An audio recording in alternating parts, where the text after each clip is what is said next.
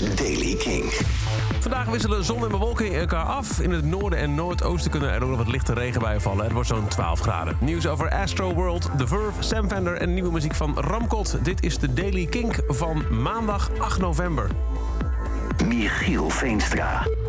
Te beginnen met Astroworld. Uh, niet per se kinkmuziek, maar wat daar is gebeurd afgelopen weekend... kan wel gevolgen hebben voor live concerten en festivals. Het ging er helemaal fout. Je hebt ongetwijfeld het nieuws meegekregen. Zeker acht mensen zijn overleden, 25 mensen gewond... toen er een grote massa mensen tegelijk naar het podium wilden... waar Travis Scott optrad. De eerste rechtszaak is nu aangespannen um, door één bezoeker. Uh, deze man stelt um, concertorganisator Live Nation en mede-organisator Score More verantwoordelijk voor het drama.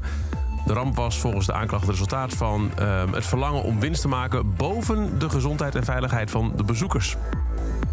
Het is naar verwachting de eerste van vele rechtszaken. En het is eigenlijk best bijzonder dat, dit, dit, weer kan gebeuren zoveel jaar na Roskilde en na de invoering van die barriers, die hekken. Ja, hoe dit allemaal uh, zich ontvouwt. Uh, nogmaals, uh, dit kan wel eens gevolg hebben voor de organisatie van concerten en festivals in de toekomst. We houden het in de gaten.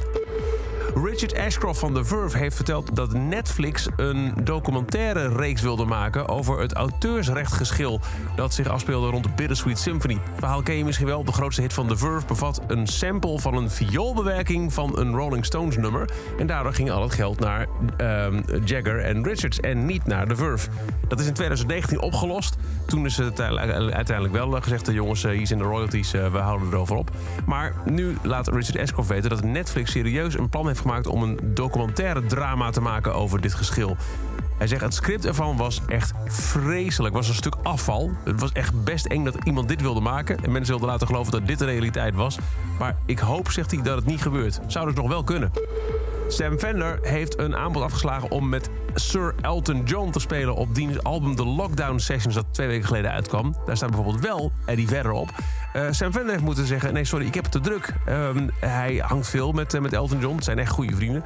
Maar hij was ook druk bezig met zijn eigen album 17 Going On. En zegt, ik wil er niks over haasten. Hopelijk komt de kans er ooit nog wel een keer om met Sir Elton John iets op te nemen.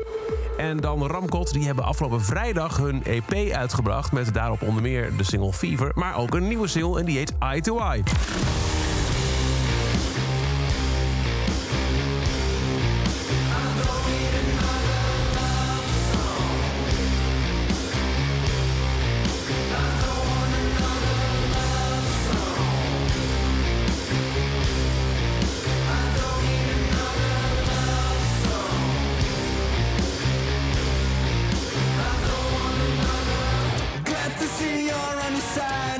You're not satisfied, you really not get high. And there's no way to run aside.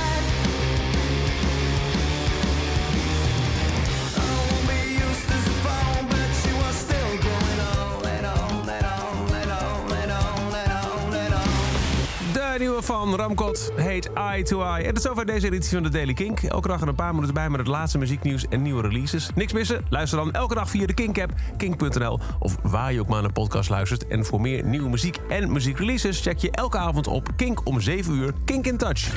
Elke dag het laatste muzieknieuws en de belangrijkste releases in de Daily Kink. Check hem op kink.nl of vraag om Daily Kink aan je smart speaker.